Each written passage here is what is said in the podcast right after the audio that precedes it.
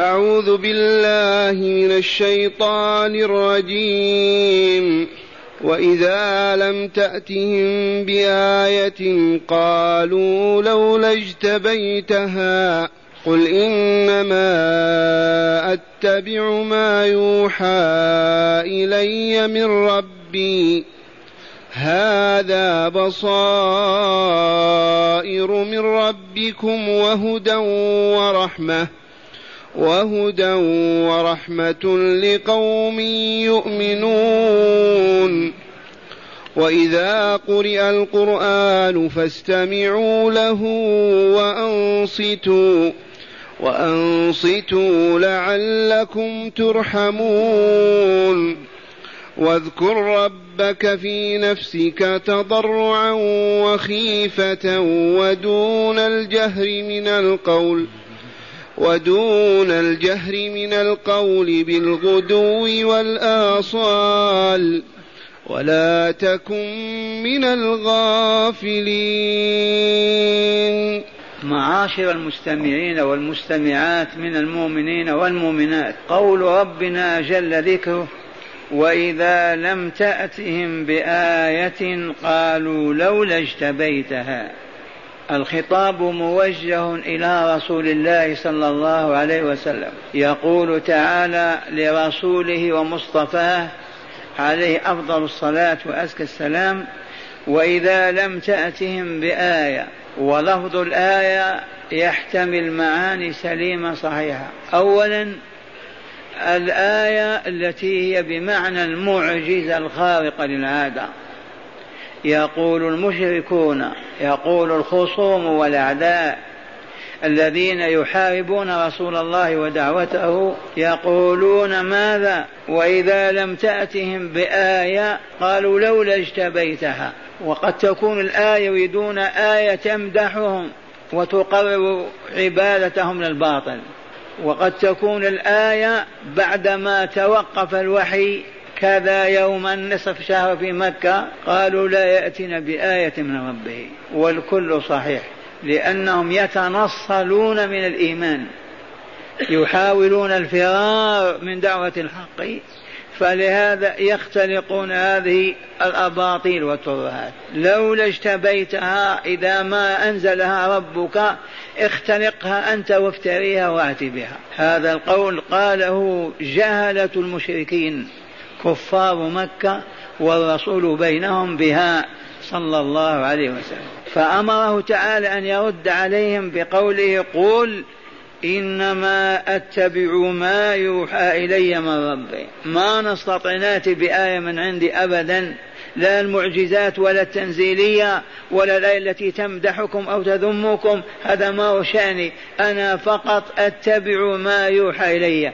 الذي ينزل علي أقوله وأعلنه وأدعو به إلى عبادة الله تعالى. لا أملك غير هذا. قل يا رسولنا والمبلغ عنا. قل لهؤلاء الذين يقولون لولا أنزل عليه آية قل لهم إنما أنا فقط رسول من الله أتبع ما يوحيه إلي فأقوله. ما أستطيع أن نجتبي ولا نختلق ولا نجب جباية أبدا. ما هو شأن هذا؟ وبهذا أسكتهم وأخاصهم رد مفحم. لأنهم يتبجحون ويطالبونه بالآيات وغير الآيات من المعجزات. قال له وليه جل وعز عز وجل قل لهم إنما أتبع ما يوحى إلي من ربي. ثم قال تعالى هذا صراط مستقيم هذا بصائر من ربكم وهدى ورحمة لقوم يؤمنون. أي هذا القرآن هذا الإسلام هذا الدين الذي جئت به وأدعو إليه هو بصائر من ربكم. جمع بصيرة نور هداية. هذا القرآن والله لنور ووالله لهداية فمن أراد أن يهتدي إلى سعادة وكماله فليؤمن وليسلك هذا السبيل. القرآن سبيل هداية. يهدي السالكون السالكين إلى أين؟ إلى كمالهم وسعادتهم في الدارين. الحياة الدنيا والدار الآخرة. بصائر كل آية بصيرة. كل من آمن بهذا القرآن وقرأه ونظر إليه فتح أمامه أبواب الخير كلها. وهداه إلى سبل السلام. ما يبقى على شركه وكفره ووسواسه وضلاله. لكن الذي أغمض عينيه وأعمى بصره كيف يهتدي به؟ ما يراه شيئا. بصائر من ربكم. هذه الآيات من نزلت من منزلها ما مصدر أليس الله؟ من ربكم أي خالقكم ورازقكم ووليكم ومدبر أمركم. ما هي من عندي أنا ولا من عند أي مخلوق؟ بصائر من ربكم. هذا أولا. ثانيا وهدى. والقرآن كما قلت لكم والله ما آمن به عبد وقرأه وعمل بما فيه إلا كمل وسعد وما ضل وما شقي أبدا. والمهتدون على نور القرآن وهدايته بالملايين في العالم الإسلامي. ما سبب هدايتهم هذا القرآن الكريم؟ آمنوا به وقرأوه وفهموا مراد الله منه وعملوا بما أمرهم الله أن يعملوا فكملوا وسعدوا. وهم سعداء.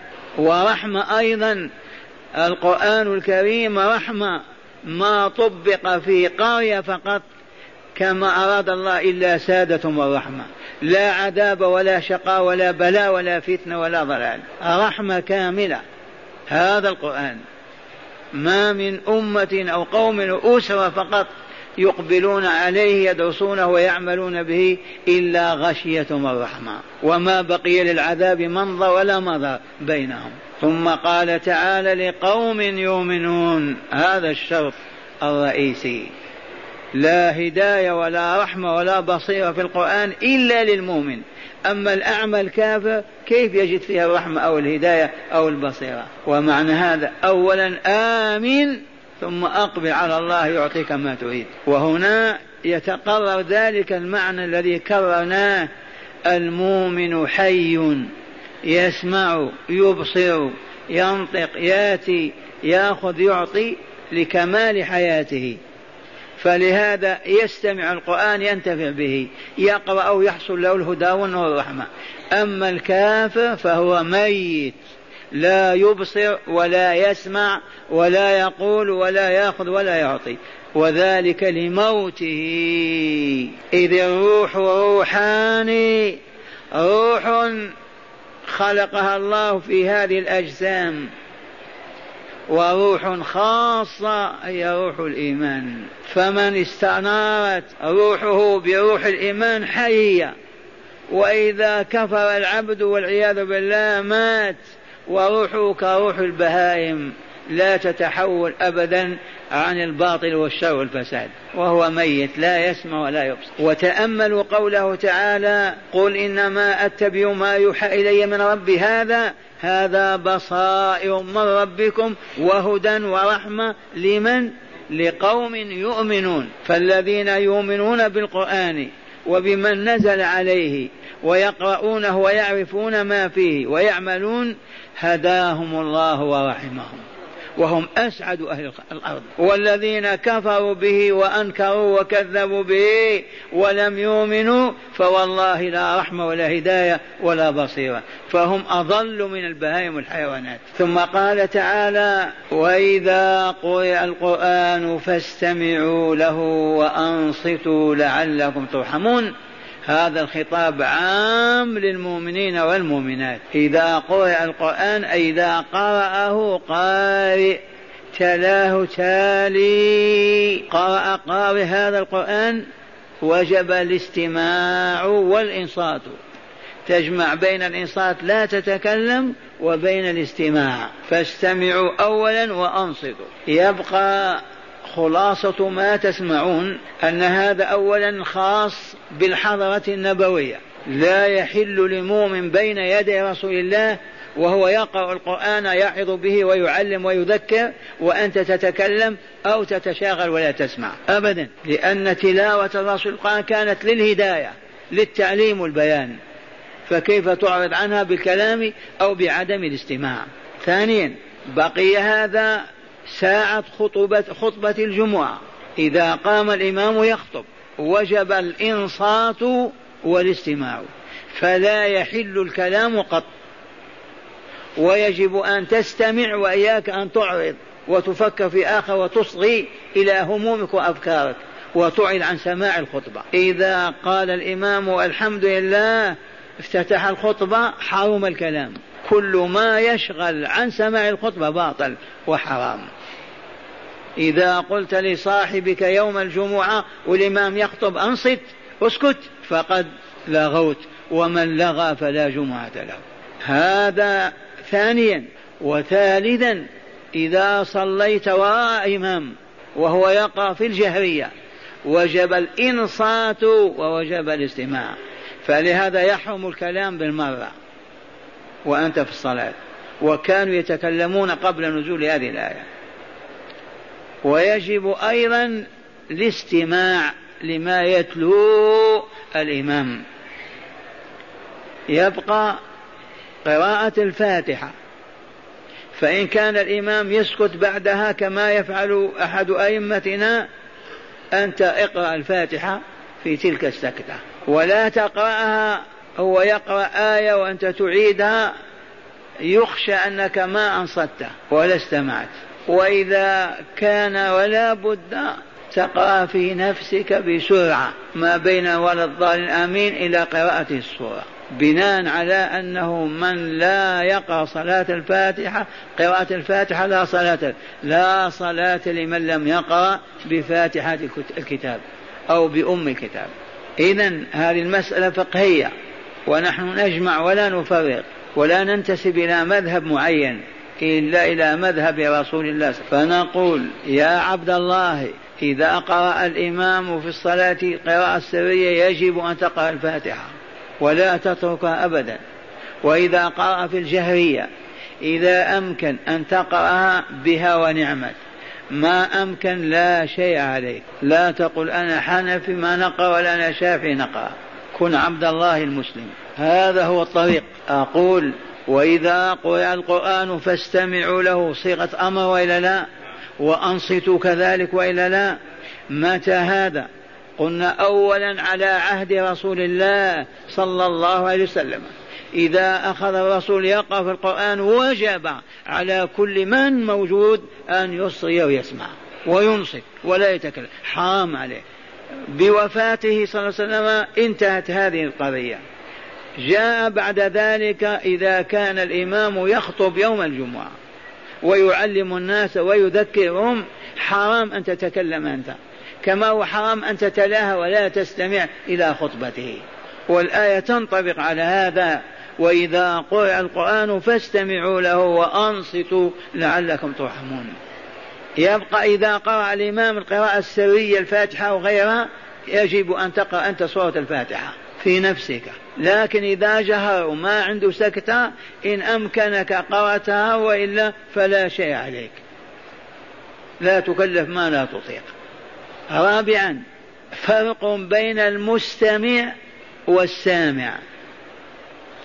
المستمع هو الذي جلس يستمع. والسامع هو ماشي سمع قارئ يقرأ في الإذاعة وإلا في سيارته. السامع ليس عليه أبدا واجب أن يصغي ويستمع. أما المستمع هو الذي يجب عليه أن يصغي وينصت ويستمع. وإذا قرئ القرآن أي قرأه قارئ فأن فاستمعوا له وأنصتوا. فالمستمع ذاك الذي جلس ليستمع. هنا ينبغي أن يصغي وأن ينصت وينصت ويسمع لكن المار والقارئ يقرأ ليس عليه واجب. ما هو مطالب بهذا. لكن يقرأ القرآن بيننا قارئ ونحن جالسون نستمع. ينبغي أن ننصت ولا نتكلم وأن نستمع. هذا فقه هذه الآية. وإذا قرئ القرآن فاستمعوا له وأنصتوا. لعلكم ترحمون أي ليعدكم ذلك إلى رحمة الله عز وجل. رجاء أن ترحموا وهو كذلك. من أنصت لكلام الله واستمع يرحم ولا تخطئه الرحمة. عاجل أو آجلا هذه هداية الله عز وجل. هذا فضل الله علينا هذا إنعامه عز وجل. أرشدنا بهذا الإرشاد. وإذا قرأ القرآن يا عباد الله فاستمعوا له وأنصتوا لعلكم ترحمون.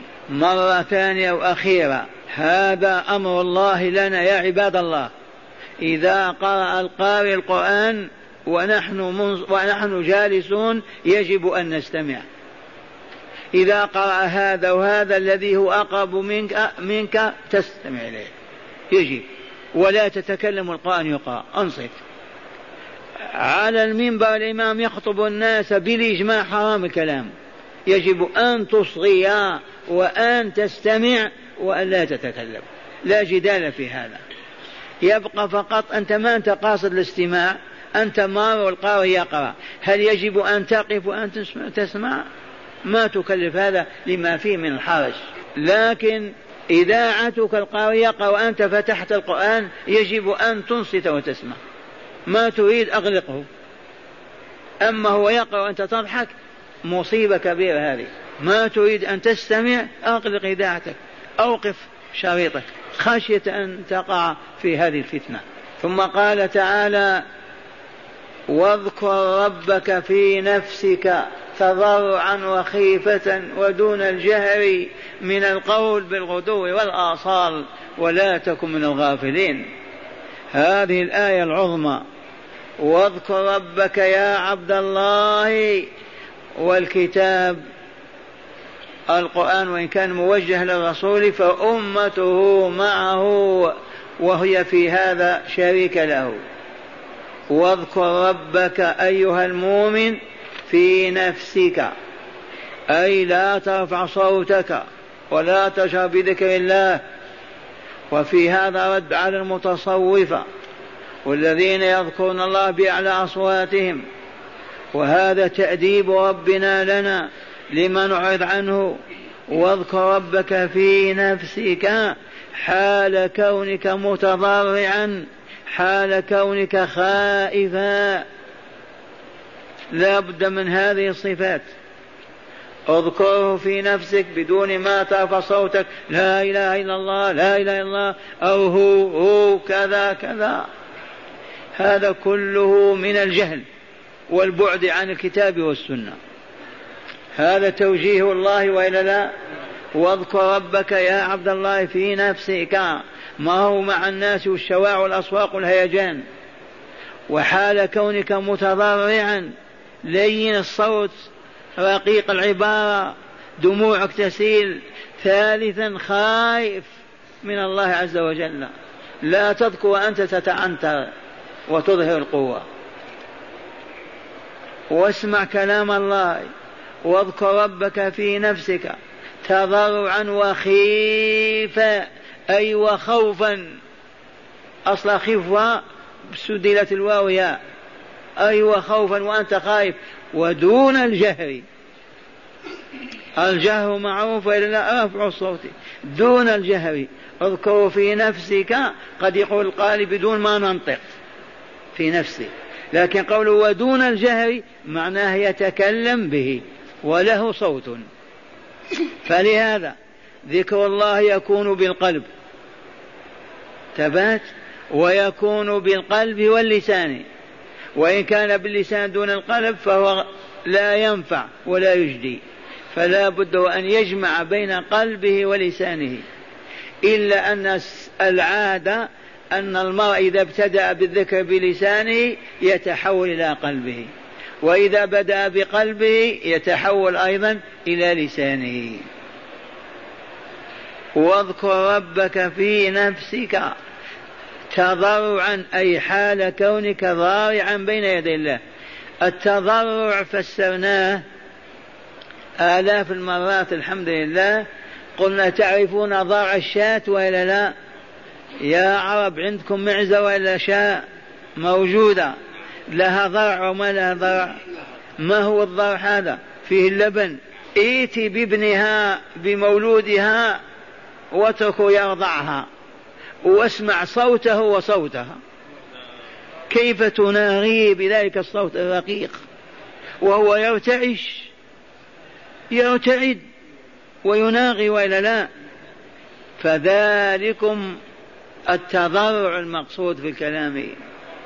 أن تذكر الله وأنت تعيش بصوت ناعم صوت خائف رقيق. ما هو بالقوة.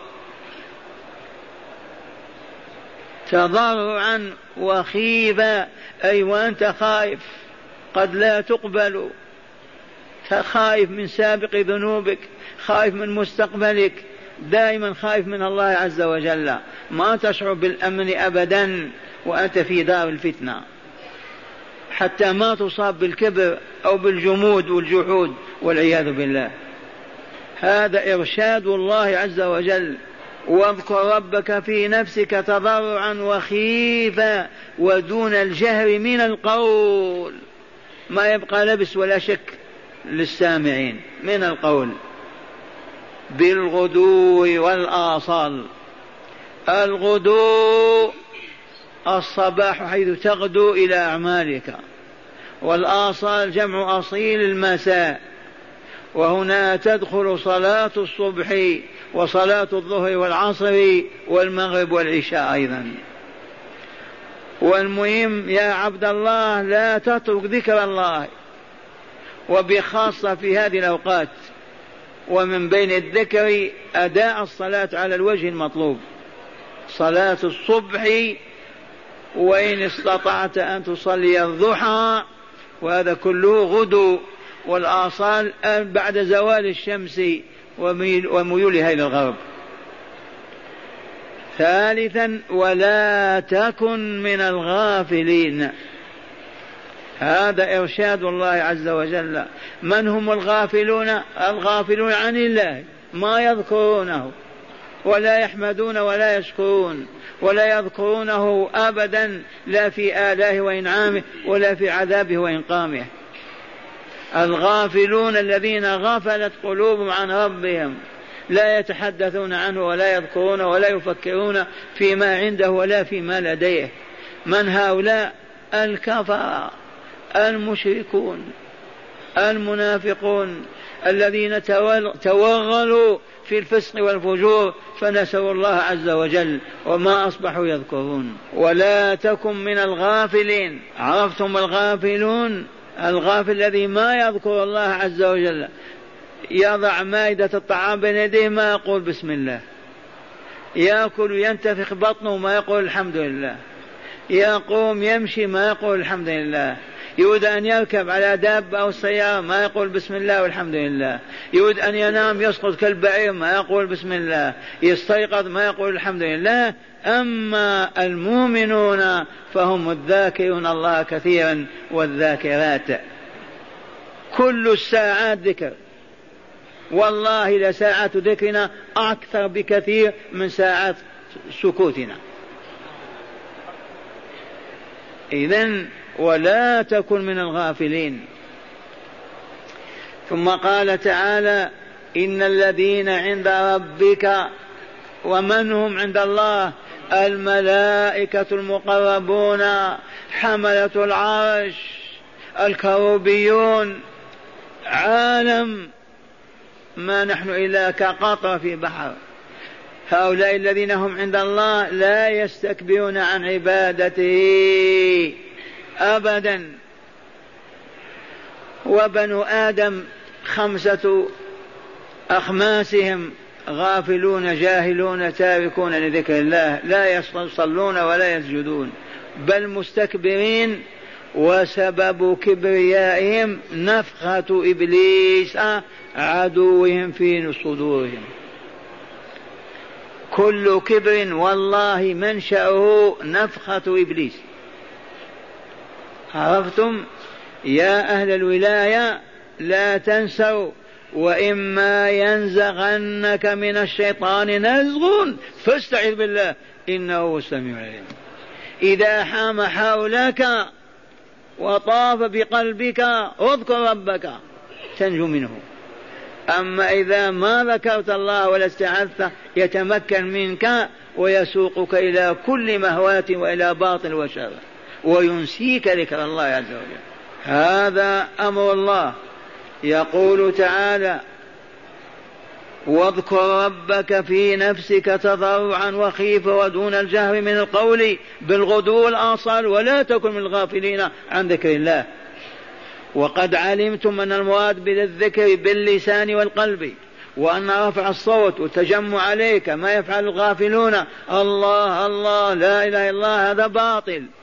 ما فعله أبو القاسم صلى الله عليه وسلم ولا شرعه لأمته.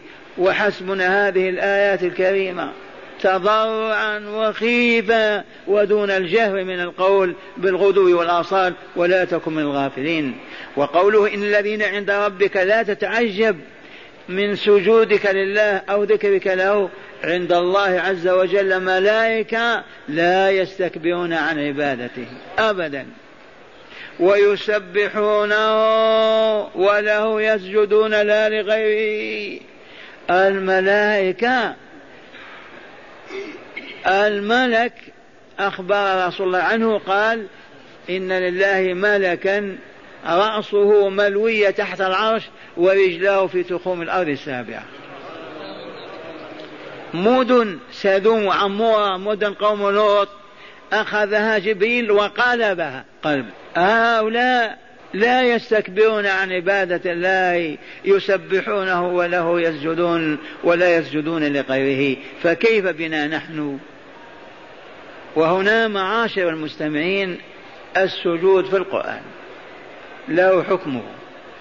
أولا إذا تلوت الآيات ووصلت إلى آية السجدة ينبغي أن تسجد. والأفضل أن تكون طاهرا أي على وضوء. وإن لم تكن فلا حرج. وإذا سجدت فهو بالتكبير الله أكبر. وإذا رفعت كذلك قل الله أكبر. ولا سلام فيها أي لا تسلم منها. ما هي صلاة؟ سجود فقط. والأفضل أن تكون مستقبل القبلة وأن تكون على وضوء وتكبر في الهو وفي الرفع وإن عجزت كنت لا تتمكن من القبلة فاسجد كما تمكنت. ثانيا إذا كنت على غير وضوء لا يمنعك ذلك من السجود ولا الاطراح بين يدي الله. وأما السلام ليس بمشروع تقول السلام عليكم لأن ذلك خاص بالصلاة والوقوف بين يدي الله عز وجل. ثم سبح الله وأنت ساجد ومما ورد عن السلف الصالح قولهم وأنت ساجد, ساجد وجهه الذي خلقه وشق سمعه وبصره بحول قوته. وتدعو اللهم اكتب لي بها أجرا وامح بها عني وزرا وارفع اللهم لي بها ذكرا أي بهذه السجدة. فقد قالها داود عليه السلام. إذا هذا السجود أما الجنب فلا يصح له أن يقرأ. كذا ولا لا؟ فلا يسجد. والمستمع للقارئ يجب أن يسجد. ولهذا ما تلا الطلاب الآية لأن فيها السجود ونحن مستمعون ولسنا بمستقبل القبلة. لو كنا في صلاة يسهل علينا السجود. لكننا غير مستقبل القبلة والمجلس خاص بالناس ما نكلفهم ما لا يطيقون. قلنا ما تقرأ الآية ونحن نشرحها. ما تلاوة لها؟ تلاوة القرآن الكريم. يستحب أن تكون على أكمل الحالات وأفضل الهيئات. لأنه كلام الله. ولكن من عجز عن وضوء أو استقبال القبلة يسجد كما تيسر ويسجد على الأرض وعلى فراش. فالسيارة يسجد بالإيماء والإشارة. نحن نصلي الآن النافلة في السيارة. كانوا يصلون على الإبل والآن السيارة أهون. إذا وقوله إن الذين عند ربك الخطاب لمن؟ لرسول الله صلى الله عليه وسلم ونحن معه. إن الذين عند ربنا جل وعز. فين هؤلاء؟ في الملكوت الأعلى فوق السماوات السبع فوق دار السلام فوق العرش. إن الذين عند ربك منهم حملة العرش ومنهم الكروبيون والقرون المقربون الكل يسجدون لله ويسبحون. وأما الملائكة الذين معنا كالحفظة والمسؤولون عن الرياح والأمطار فلهم شأنهم. لكن هؤلاء يسجدون. يسبحون له وله يسجدون. ما معنى يسبحون؟ يقولون سبحان ربنا سبحان ربنا أو سبحان الله سبحان الله العظيم. وهذه الكلمة تدل على أنك نزهت ربك وأبعدته عن كل نقص. سبحان الله. معناه أنزه الله وأبعده وأبعد ساحته من كل نقص. عرفته الدنيا والبشرية. إذ الكمال كله لله وهو خالق وموجده فتسبيحه تعالى هو سبحان الله سبحان الله ومعنى سبحان الله أنزه الله عن كل ما لا يليق به من صفات المحدثين أنزه الله عن كل نقص من النقائص لأنه هو أكمل الكاملين. هذه الكلمة من أبدع ما يكون سبحان الله. وإذا رأيت شيئا وأعجبك قل سبحان الله سبحان الله وإذا رأيت خيرا الله أكبر. والجهال يصفقون ويضحكون. إذا شاهدوا شيئا حسنا ماذا يفعلون؟ يصفقون. وهذا نهج اليهود والنصارى ورثناه عنهم بدون علم ولا بصيرة.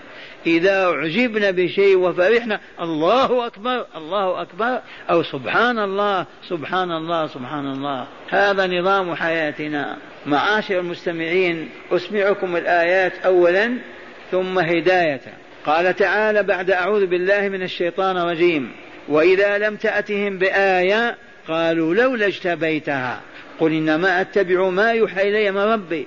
هذا بصائر من ربكم وهدى ورحمة لقوم يؤمنون. وإذا قرأ القرآن فاستمعوا له وأنصتوا لعلكم ترحمون. واذكر ربك في نفسك تضرعا وخيفا ودون الجهر من القول. ولا تكن من الغافلين. بالغدو والآصال ولا تكن من الغافلين. ثم قال تعالى إن الذين يستكبرون إن الذين عند ربك عرفنا من هم حملة العرش مقربون كروبيون وغيرهم لا يعلمهم إلا الله هؤلاء لا يستكبرون عن عبادة الله أبدا ويسبحون الليل والنهار لا يفطرون وله لا لغيره يسجدون وهنا إشارة لطيفة لا يحل السجود لغير الله قط لا لأمك ولا لأبيك ولا لملكك ولا لا أبدا إلا إذا كان الرشاش في يده أو المخراق قال تسجد وإلا. حينئذ تسجد لله مولاه هو. تقول الله أكبر وتسجد له. لا يكون السجود قط إلا لله وله وحده يسجدون.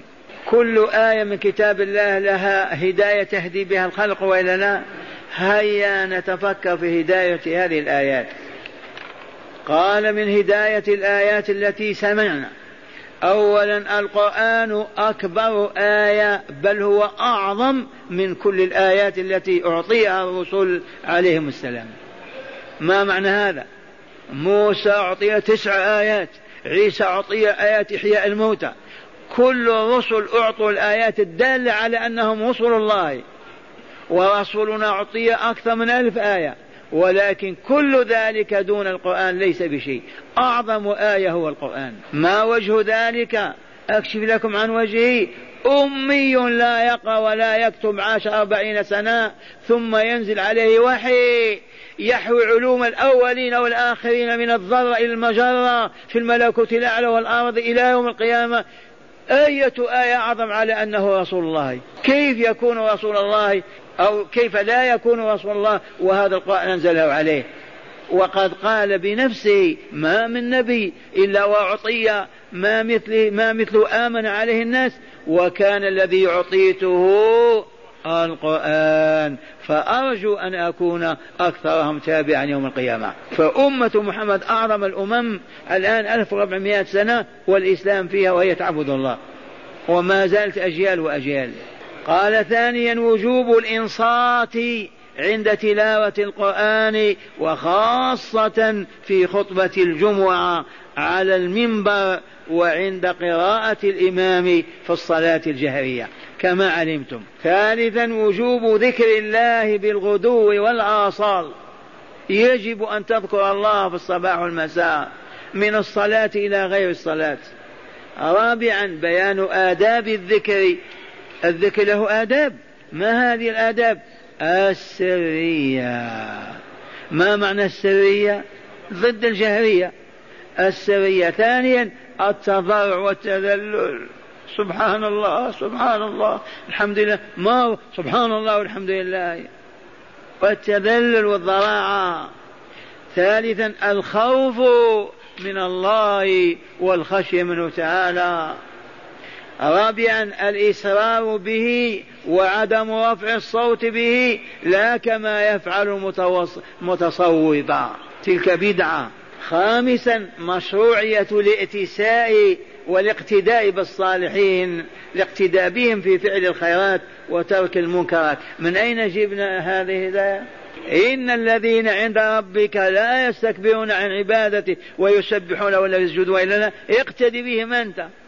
الذين هم عند الله لا يستكبرون وأنت في الأرض وتستكبر ما تستحي ويسبحون ويسجدون له. قال سادسا عزي عزيمة السجود عند قوله وله يسجدون. عند هذا اللفظ تسجد. وهذه أول سجدات القرآن أول سجدة في العراق وبعد سلسلة. يتبع بعضها بعضا. وهذا أول سجدات القرآن ويسجد القارئ والمستمع له. أما السامع فليس عليه سجود. ويستقبل بها القبلة ويكبر عند السجود وعند الرفع منه ولا يسلم. وكونه متوضئا أفضل.